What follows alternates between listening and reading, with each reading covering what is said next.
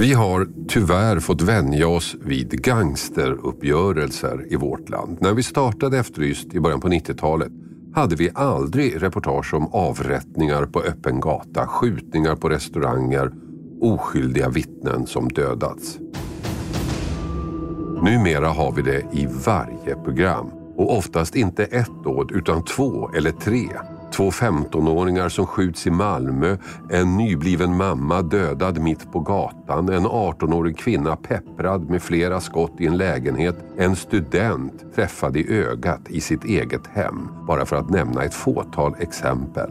Fall som väcker uppmärksamhet men som sen försvinner in i rapporteringen om ännu fler uppgörelser, ännu fler skjutningar, ännu fler oskyldiga offer. Jag heter Hasse Aro. Välkomna till min podd Fallen jag aldrig glömmer.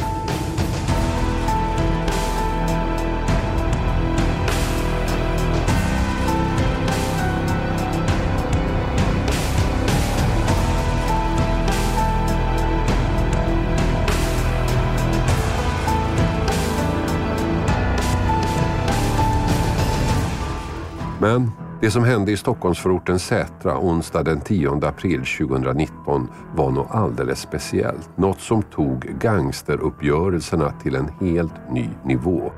Något som skakade om även den mest luttrade polisutredare. Det här väckte naturligtvis stor uppmärksamhet i kvällspressen. Så här skrev till exempel Aftonbladets kolumnist Oisin Cantwell, en reporter som följt brottsutvecklingen under många år. Så här skriver han. Två unga män, bara 18 respektive 21 år gamla, tvingades ner i en källare genom en lång gång. De hade ingen möjlighet att fly. De tvingades klä av sig nakna och sätta sig ner. Han fortsätter. Dubbelmordet i Sätra är förnedringsbrottsligheten dragen till sin extrem, utförd med en tidigare inte sedd brutalitet. Expressens kolumnist Fredrik Sjöshult beskrev händelsen som en oroväckande utveckling.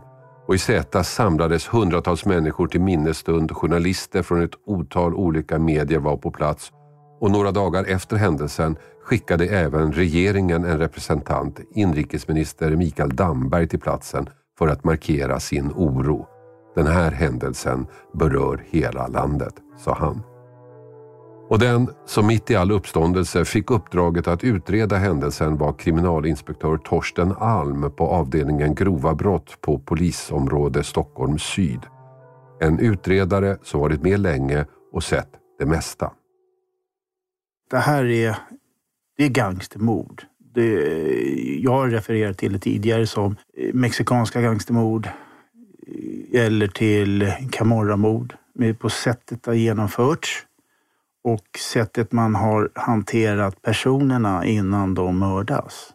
Du har ju varit med om en hel del. Var någonstans placerar sig det här?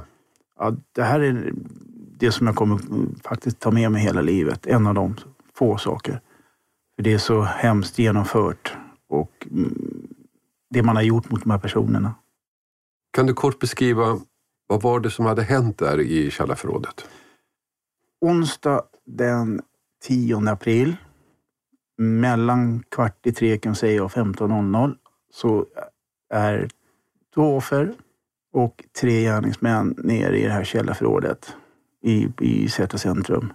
Eh, och vi vet den här tidpunkterna för att, för att komma ner i de här källarna måste du ha en sån här dörrbricka, plupp kan man kalla det.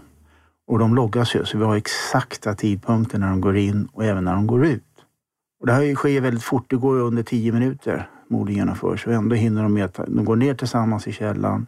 De går in i en källarförrådsgångar som är väldigt smala. De är 90 centimeter breda. Får gå ner längst ner. De tvingas av sina kläder.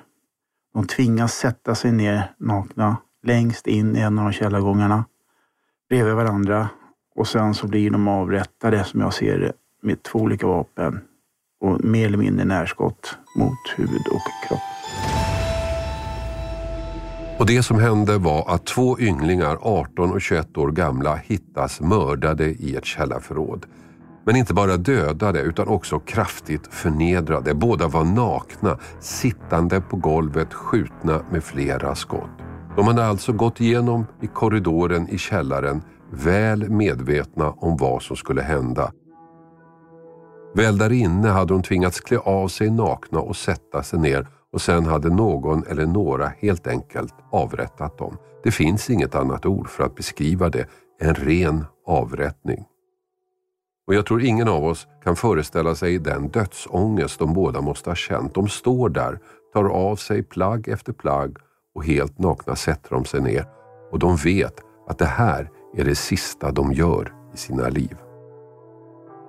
Varför är de nakna?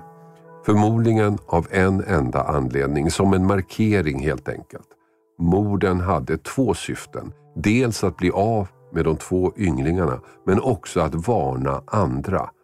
Budskapet var tydligt. Någon säger bråka inte med mig. Så redan där i händelseförloppet står en sak klar. Det handlar om att skrämmas.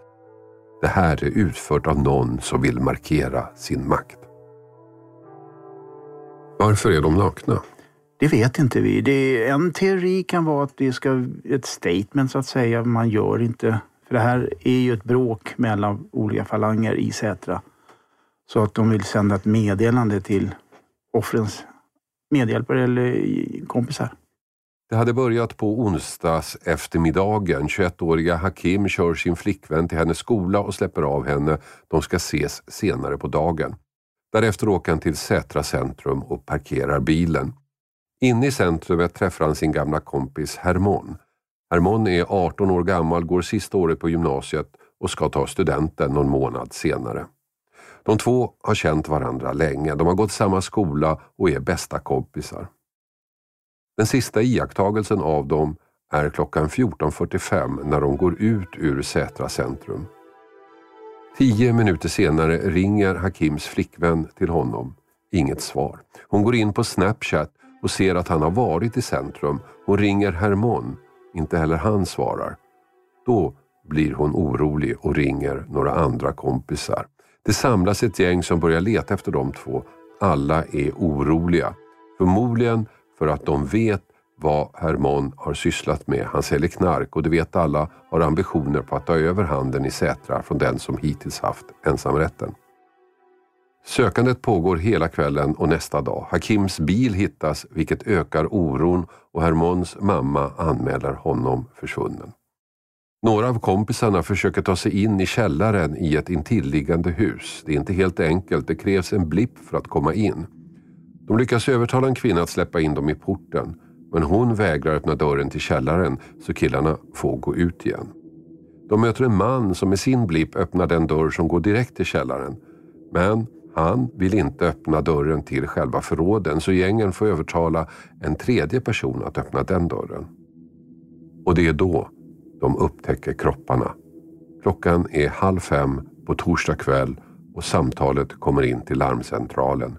De är jättedöda, säger uppringaren. Samma kväll rapporterade vi från platsen. Det här är Efterlyst med Hasse Aro. Vi ska börja kvällens sändning i Sätra i Stockholm där polisen just nu utreder vad man misstänker är ett dubbelmord. Vår reporter Valentina Javeri är på plats. Och Valentina, vad är det som händer där ute egentligen? Vi står just nu här precis eh, vid brottsplatsen. Kriminaltekniker befinner sig i ett förråd här bakom oss där man hittade då två personer som hittades tidigare idag vid halv fem-tiden. Man undersöker nu vad som har hänt, vilka de här personerna är och man tittar också på om det finns eh, andra i området som kan ligga bakom det här brottet eller det här misstänkta dubbelmordet. På fredagen drar utredningen igång. Det första är naturligtvis en teknisk undersökning av brottsplatser och två saker hittas som kommer att få stor betydelse för utredningen. När ni då får eh, larmet och eh, att de är hittade och ni går dit och gör då en teknisk undersökning där. Vad är det ni hittar eh, på plats? Ja, kropparna hittas ju eh, helt utan kläder. Vi hittar inga kläder. Än idag har vi inte hittat deras kläder. I, runt omkring förråden så hittar vi bland annat eh, nio kulor, kulfragment i kropparna och runt omkring på golvet. Vi hittar, jag tror det är sju hylsor av en kaliber. Men vid obduktion får vi fram att det är två olika vapen, för det är två helt vitt skilda kalibrar. Eh, sen också på golvet i, vid en av de här gångarna så hittas en, en snuspåse. Och, så vi, den tas in för teknisk, hylsorna tas in för teknisk. På tre av de här hylsorna hittas DNA från en av dem som sen blir misstänkta. Och den här snuspåsen eller snusprillan, den innehåller DNA från ytterligare en av de här gärningsmännen. Och vi vet att det här förrådet städades den tionde då, samma dag som det här hände på morgonen, på förmiddagen. Så det var rent på golvet. Det fanns inget skräp på golvet. Den här låg, den låg mitt på golvet också i källargången. Så den är unik. Den har kommit dit efter städarna har varit där och städarna är där vid tio tiden på förmiddagen. Sen går då gärningsmännen, offren in typ kvart i tre, tio i tre. Och det är ingen som har gått in eller ut ur den här källarförråden däremellan. Därför vet vi att de kom dit där och då. På fredagskvällen hålls alltså minnesstunden för de döda. Hundratals människor samlas. Polisen är förstås också på plats. Dels med uniformerad personal men också med civilklädda spanare. Och mitt i sorgen, mitt i blomsterarrangemanget och mitt bland alla kramar går också ett rykte. Ett rykte om vem det är som mördat de två. Ett namn upprepas hela tiden och spanarna får också höra det. Det är en person som är känd av polisen sedan tidigare och det är ett av skälen till att det här ryktet tas på allvar av polisen. Det är definitivt ett spår som ska utredas vidare. Personen som pekas ut heter Aram och han är 24 år. Men polisen hinner aldrig höra Aram. Någon annan hinner före. Natten efter minnesstunden, en minnesstund som han själv var närvarande på, dödas 24-årige Aram. Någon eller några ringer på hans dörr och när de hör att han närmar sig för att öppna skjuter de med ett automatvapen rakt genom dörren och skotten träffar honom på andra sidan. Han dör omedelbart. Han skulle ju höras in, inom sin tid. Men eh, natten sen till lördag, nämligen på fyra på morgonen, då blir han mördad i sin bostad, också boende i Sätra i sin lägenhet. De skjuter alltså ihjäl honom genom hans ytterdörr helt enkelt. Nu har polisen tre mord på samma vecka att utreda. Och det står ganska snart klart att de två händelserna hör ihop. För den som nu är död, Aram, blir i polisens utredning om dubbelmordet den huvudmisstänkte. Han var väl den som styrde eh, narkotikahandeln i Sätra, som vi ser det. Och eh, han hade ju då en massa folk som hjälpte honom eller som sålde åt honom. Bland annat ett av offren, den yngsta. Han var försäljare åt Aram innan. Eh, ja, det var han som var kungen av Zäta kan man schematiskt säga. Nu drar utredningen igång på allvar och som alltid i den här typen av brott blir det övervakningskameror och mobiltelefoner som får stor betydelse för polisens spaningar. Vad får er att tro att, att de här morden hör ihop? Ja, vi, eh, vi, det vet vi inte säkert. Det vi vet är att de här dubbelmorden då, de har Aram delaktighet i. Men sen så hans mord, från början så spreds ju väldigt snabbt ett rykte när det hade skett att det var en direkt hämnd för morden på de här två ungdomarna. Men eh, Aram-mordet är än idag inte löst så vi har inte svaret fullt ut på det. Men den tekniska undersökningen som ni gör av övervakningskameror, telefoner och sånt visar att han har varit eh, tillsammans med de här killarna vid tiden för mordet? Ja, vi gör ju så här att när det här har skett så drar vi igång på fredag morgon redan en stor grupp som jobbar med det här ärendet och bland annat så har vi då en person som får ansvar. Han ska ta in alla övervakningsfilmer från relevanta platser och det är inte bara från centrum, det är från bensinstationer, vägkameror på väg in och ut ur Sätra. Och han får ju fram filmer bland annat ifrån Sätra centrum från en restaurang som heter Albasha och även från andra övervakningskameror att den här Aram och de andra två medgärningsmännen då, de träffas i Sätra centrum innan mordet, typ en timme innan. De går även, de är en, en timme, en och en halv i centrum. Om man ser på slutsekvensen innan morden sker, då går två av gärningsmännen ut ur centrum till dess baksida. Men de, där verkar det som de träffar på Aram då, för de kommer tillbaka någon minut senare och då går de här tre rakt genom centrum på led, rask takt. Går förbi alla kameror, ut genom den ingången som vetter ut mot det hus där morden skedde i. Och eh, 40 sekunder efter att de har passerat den sista övervakningskameran som man har film på ute i centrum så kommer offren gående direkt åt samma håll. Och det är minuterna innan porten ner till källaren och källarförråden öppnas och morden sker. Och sen har vi även en timme efter morden så sammanstrålar de här tre gärningsmännen på den här restaurangen Al-Basha igen. Först kommer de två som åtalades för morden och sen en två, tre minuter efter så kommer då Aram in. på Al-Basha. De sitter där de umgås en stund och sen gör de vissa olika saker med, under de närmsta timmarna. Och de är i centrum typ till av och till mm, 1920-tiden kan man säga. Ja, kamerorna visar alltså tre män. Aram, en 27-åring från Huddinge och en 28-åring från Skärholmen. De har varit i centrum samtidigt som Hakim och Hermon. Arman ska dessutom ringt till Hakim strax innan han och Hermon försvann. Det ser alltså ut som om Aram kan vara inblandad i dubbelmordet. Ni tar in de här förstås? Ja, när vi, det blir det att eh, Aram är så, han jag blir den, men han finns ju med i vår utredning. När vi, vi skickar in de här tekniska bevisningarna och det, då får vi resultaten i början av juni. Det tar lite tid på NFC. Vi beslutar att gripa de här två gärningsmännen. Den ena har vi DNA på. Den andra har vi alla filmer och telefonuppkopplingar, att de pratar med varandra på telefon, att de gör vissa saker. De grips eh, veckan innan midsommar, häktas och eh, hörs. Och en av gärningsmännen, han säger inga kommentarer. Den andra berättar en del, en historia första förhöret. Att han har varit i centrum, men att han har gått en promenad med sina två bästa kompisar som då finns på några filmerna. Och sen att hans DNA finns på hylsorna. Då säger han helt enkelt att jag har gett dem till en kompis som nu är död. För han har blivit beskjuten typ en månad innan de här dubbelmorden skedde. Och han vill ha beskydd. Så då bad han mig, kan du skaffa ammunition? Och då gjorde jag det. Och han fick ammunitionen två veckor innan dubbelmorden. Och det är så också att när vi griper den här mannen i hans bostad så hittas det ny ammunition av samma typ, samma kaliber. När vi frågar om den ammunitionen, var, varför hade du den? Jo, för att samma person som nu är död, han vill ha mer ammunition. Och när hade han till efterfrågat den? Ja, det var väl två dagar efter dubbelmorden hade skett.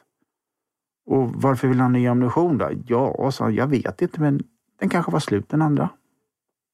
Och så som vi ser det så har han då alltså indirekt pekat ut Aram som delaktig i högsta grad i det här mordet.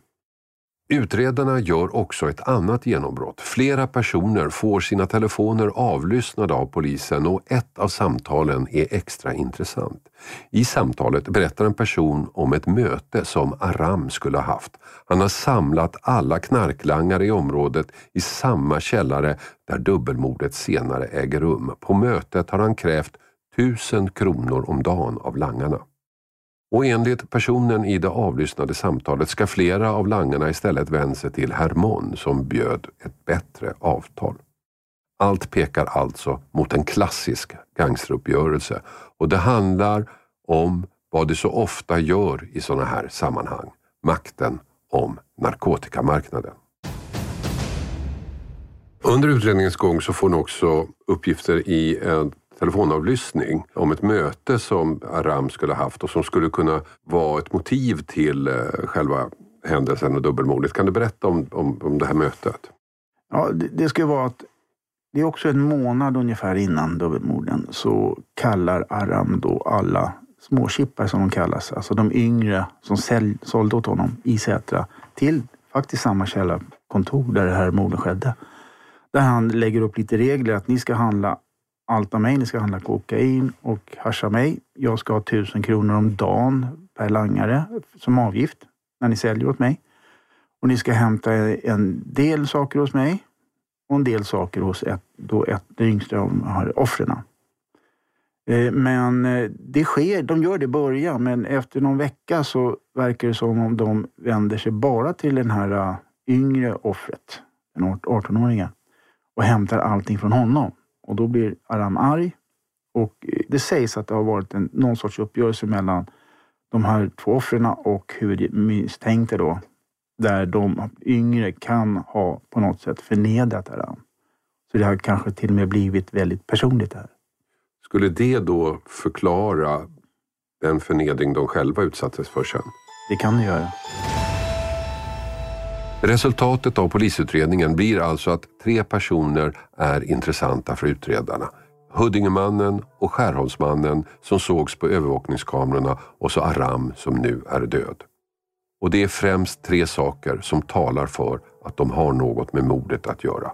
Det är filmerna, det är DNA-spåren på hylsorna och det faktum att en av dem, Aram, tycks ha ett av offrens mobiltelefoner efter dådet.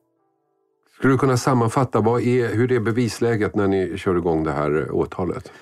Eh, vi har ju då DNA, en av de misstänkta, han har vi DNA på tre hylsor ifrån platsen. Vi har övervakningsfilm där alla de här två misstänkta som åtalas är tillsammans innan morden. De går tillsammans ut ur centrum precis innan morden tillsammans med en huvudmisstänkt Aram.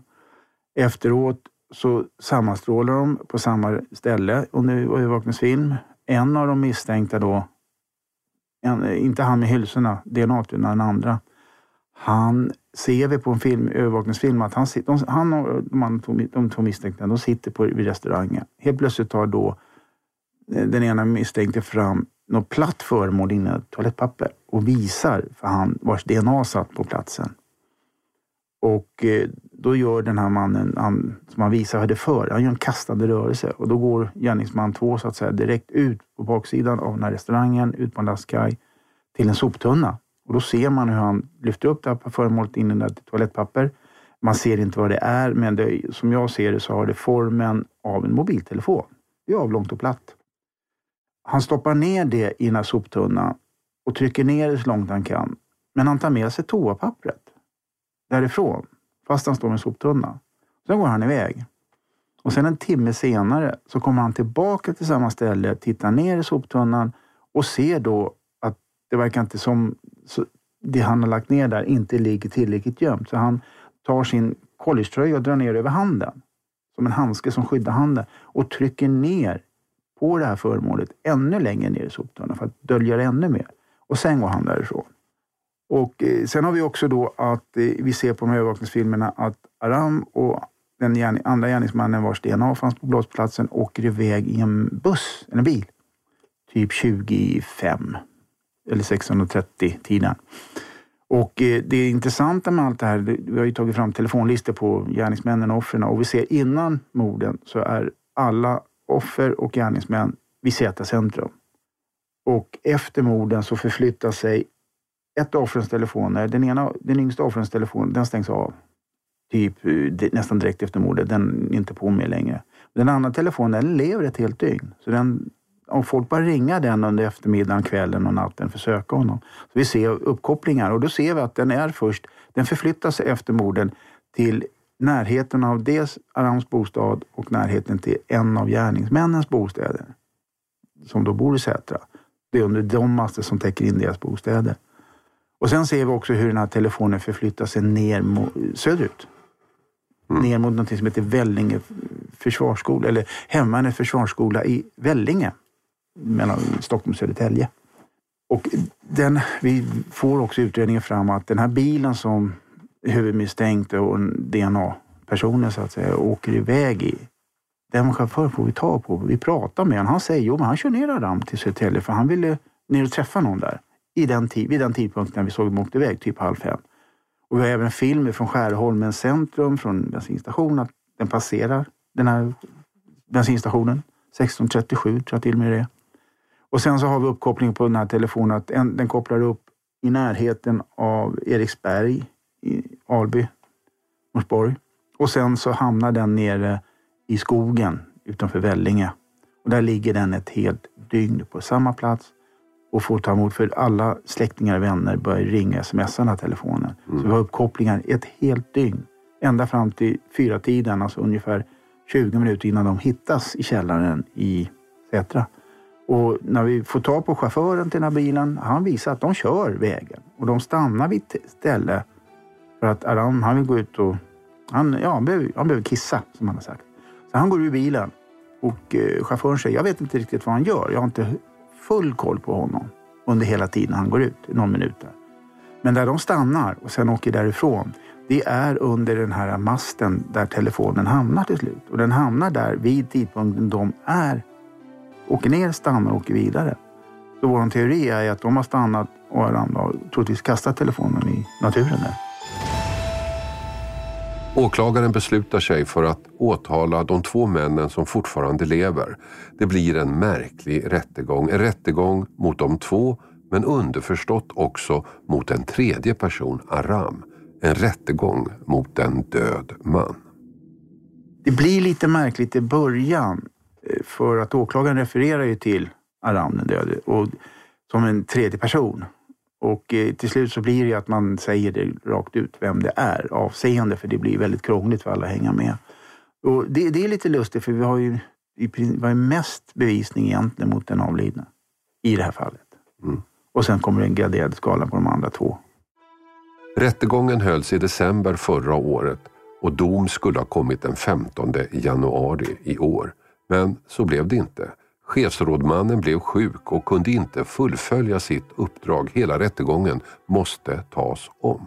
Jag tror det var den 7 januari. Då meddelar domaren som satt den domstol, den tingsrätten, att hon var sjuk så hon kunde inte lämna en dom. Så då fick vi ta om hela rättegången. Så det blev ju två av samma och då blev det domare två som genomförde den här med en backup. För det Vanligtvis sitter det en domare och tre nämndemän. Men i rättegång två då blev det två domare och tre nämndemän utifall att någon blev sjuk. Du skulle kunna slutföra det här. Hade det någon betydelse menar du att, att rättegången fick tas om? Det vet jag faktiskt inte. Jag tror inte det. Eh, det men man vet ju inte för domstolarna ska ju vara helt fria och de, när de går in i en rättegång så har ju de egentligen inte läst någonting. De får en, ett åtal från åklagaren, det läser de. Och sen får de under rättegången hänvisningar till materialet, delar av det materialet, förundersökningen. Så den här förundersökningen var väl på ett par tusen sidor, två, tre tusen sidor. Men eh, generellt så läser man ju bara det som åklagarna och advokaterna hänvisar till. Om det är vissa delar tekniska, vissa förhör och sådär. Så de kanske bara läser en tredjedel egentligen. Det här blev förstås ett bakslag för åklagare och polisen, men det blev inte det enda. När domen väl faller frias den äldre av de två männen. Rätten tycker inte att åklagaren ens lyckas bevisa att han har varit på platsen, än mindre skjutit någon. En fälldes för livstid som utförare och en vart helt friad. Och vi som håller på med utredningen, vi har ju, vår åsikt är ju att de är så tajt sammanbundna, att de har gjort det här tillsammans. Om de är utförare, det kan jag inte säga. Men de är definitivt medhjälpare till de här dubbelmorden. Och att, ja, domen är lite eh, underligt skriven från min synvinkel. Men det är ju som det är med det här. Det är, det är de som bestämmer, då får man ta det. Men den andra mannen, från Huddinge, döms till livstidsfängelse. Hans DNA på tomhylsorna som hittades på mordplatsen och det faktum att han använt ett av offrens mobiltelefoner efter mordet blev hans fall. Båda domarna är nu överklagade. Livstidsdomen har överklagats av mannens försvarsadvokat. Den friande domen har överklagats av åklagaren. Så det blir en rättegång till. Och ingen kan med säkerhet säga hur den kommer att sluta. Även om jag personligen tycker att DNA-spåren på tomhylsorna blir svåra att snacka bort. Eh, jag är hoppfull. För att eh, åklagaren han är väldigt på och han säger nej, de, de ska dömas med det vi har. Det är det, han driver den tesen. Men oavsett hur det går i den nya rättegången så kvarstår en fråga i den här historien. Vem mördade Aram? Vem tog livet av den person som enligt åklagaren var huvudansvarig för dubbelmordet i Sätra? Två män greps för den händelsen, men de är nu släppta och utredningen pågår. Vi vet ju inte, i och med att vi inte har någon lösning på Aram-mordet, men det är en väldigt bra teori att det kan vara en hämnd. Sen tycker jag att det går ju väldigt fort från de hittas alltså torsdag eftermiddag vid fyra, fem tiden. Han skjuts ett och ett halvt dygn senare. Då har man fixat fram ett vapen. Man har fixat fram ett automatvapen, man har fixat fram en flyktbil. Det finns personer som är villiga att göra det här och det det är, det är inte så att man går ut på Blocket och söker någon bara. Du måste få tag på någon som är villig att göra det här. Och är det någon an, utomstående, eller alltså inte en ren hem där de kompisarna gör det, då, ska, då är det pengar inblandade. Och det är inte små summor. Jag tror inte att... Jag tror att det, det känns som om det har gått så fort från en dubbelmorden till det här mordet. Jag tror inte att det kan vara direkt hämnd, men det, det är någon ingrediens i det.